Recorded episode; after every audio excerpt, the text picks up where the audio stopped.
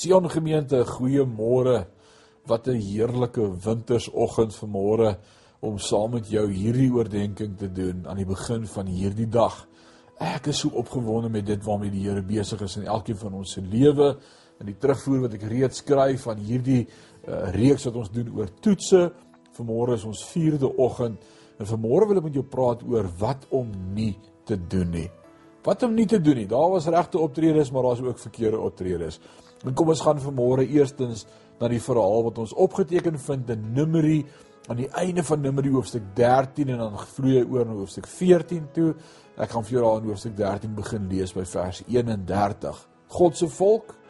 Ja, God is besig met sy volk, die Israeliete deur die woestyn en dan kom hulle nou by die beloofde land en kyk wat gebeur wanneer dit daar by die beloofde land aankom vir die eerste keer. Vers 31 maar die manne wat saam met hom opgetrek het het gesê ons kan nie teen die volk optrek nie. Dis nou die amalekiete nê ons kan nie teen die volk optrek nie want hulle is sterker as ons.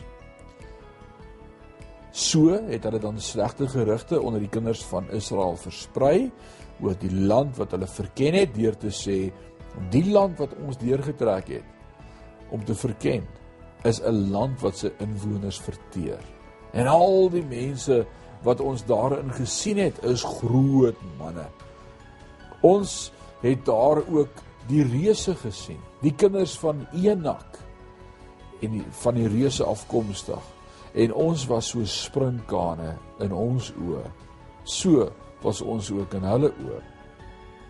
Daardie nag het die hele volksvergadering aanhoudend gekla. Al die Israeliete was in die verset teen Moses en Aaron en die hele vergadering het vir hulle gesê: As ons maar in Egipte of in hierdie woestyn gesterf het, waarom het die Here ons na hierdie land toe gebring net om doodgemaak te word? Ons vrouens en kinders sal krygsgevangenes word. Is dit nie vir ons beter om na Egipte toe terug te gaan nie? Hulle het toe vir mekaar gesê: "Kom ons kies 'n leier en gaan terug na Egipte toe." Wow. Dis mos 'n verkeerde optrede. Wat doen hierdie ouens in die toets, in die krisis? Wie hierdie toets vir hulle bepaal. En ek dink dis die goed wat ek en jy die heeltyd vir onsself moet vra is wie's in beheer? Wie's in beheer van ons lewe? Wie rig ons voetstappe? Wie hou ons vas in die holte van sy hand? Wie het geweet van die omstandighede waarin ek en jy nou gaan sit? Wie het geweet hierdie ouens gaan soos reuse lyk in die oë van die Israeliete? God het 'n plan. Ek mag dit nooit vergeet nie. Mag ek dit aan elke vertrek sommer 'n poster maak wat sê God het 'n plan. Ek en jy moet uitvind wat dit is, maar ek wil vanmôre verklaar God is altyd in beheer. So wat moet ons doen? En hoor nou die regte optrede Numeri 14 net 'n bietjie verder vers 8 tot 10. Hoor wat sê hierdie twee verspieders. As die Here 'n welbehae in ons het, sal hy ons in hierdie land inbring en dit aan ons gee. 'n land wat oorloop van melk en honing. Wees nie teen die Here opstandig nie. En en wees hier nie bevrees vir die volk van die land nie. Want hulle is ons spys. Hulle beskutting het van hulle gewyk, want die Here is met ons. Wees nie bevrees vir hulle nie. En toe sê die hele vergadering dat hulle gestenig moet word. Maar die heerlikheid van die Here het in die tent van samekoms verskyn voor al die kinders van Israel. 10 van die spioene het in vrees gereageer. 2 van die spioene het in geloof gereageer. Ek wil môre vir jou vra waaruit reageer jy? As jy praat, as jy WhatsApp, as jy met iemand 'n gesprek voer, wat is jou vertrekpunt vir môre in hierdie gesprek wat ons voer oor corona en oor lockdown? Waaroor praat ons?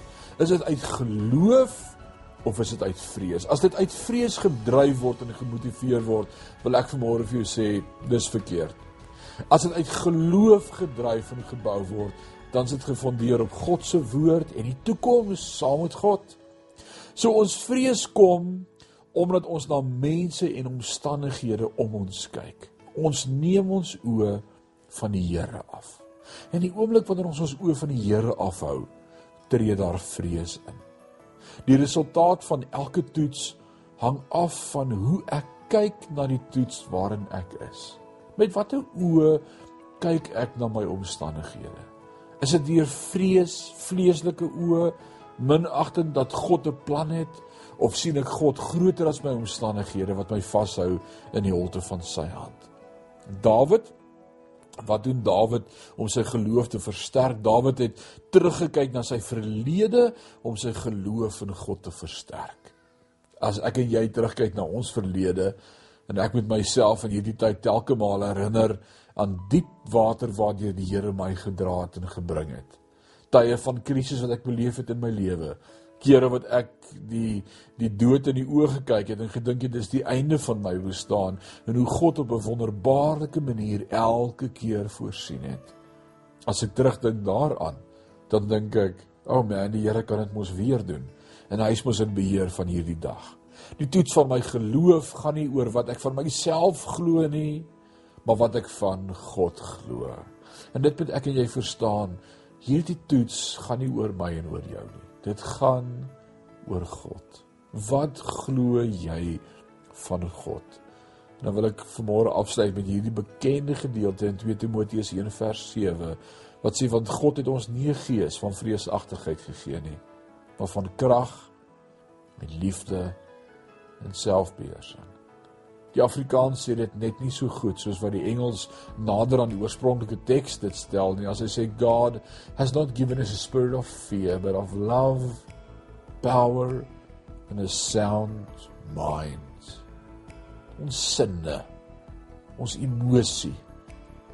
En en dis wat God moet bewaar vir ons in hierdie tyd. En want want dis wat ons voel ons gaan beswyk aan stres en spanning en bekommernis en, en dis nie van die Here nie.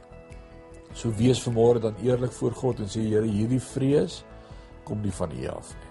Ek kies vanmôre die lewe. Ek kies vanmôre geloof.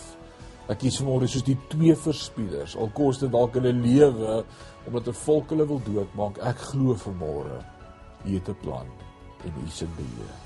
Kom ons bid saam. Liewe Hemelse Vader, wat 'n wonderlike voorreg vir ons vanmôre om met U te kan praat aan die begin van hierdie dag vanmôre opnuut vir u te sê, u is ons God, u is ons skepper, u is ons verlosser, u is ons saligmaker. U is groter as al my omstandighede. U hou my vas in die holte van u hand. U is in beheer van my lewe. Ek wil vanmôre opnuut my lewe in u hand kom neerlê en sê Vader, nie my pad nie, maar u pad. Nie my wil nie, maar U wil. Dankie dat U vir my sorg. U sorg vir die mossies. U sorg vir die lelies van die veld.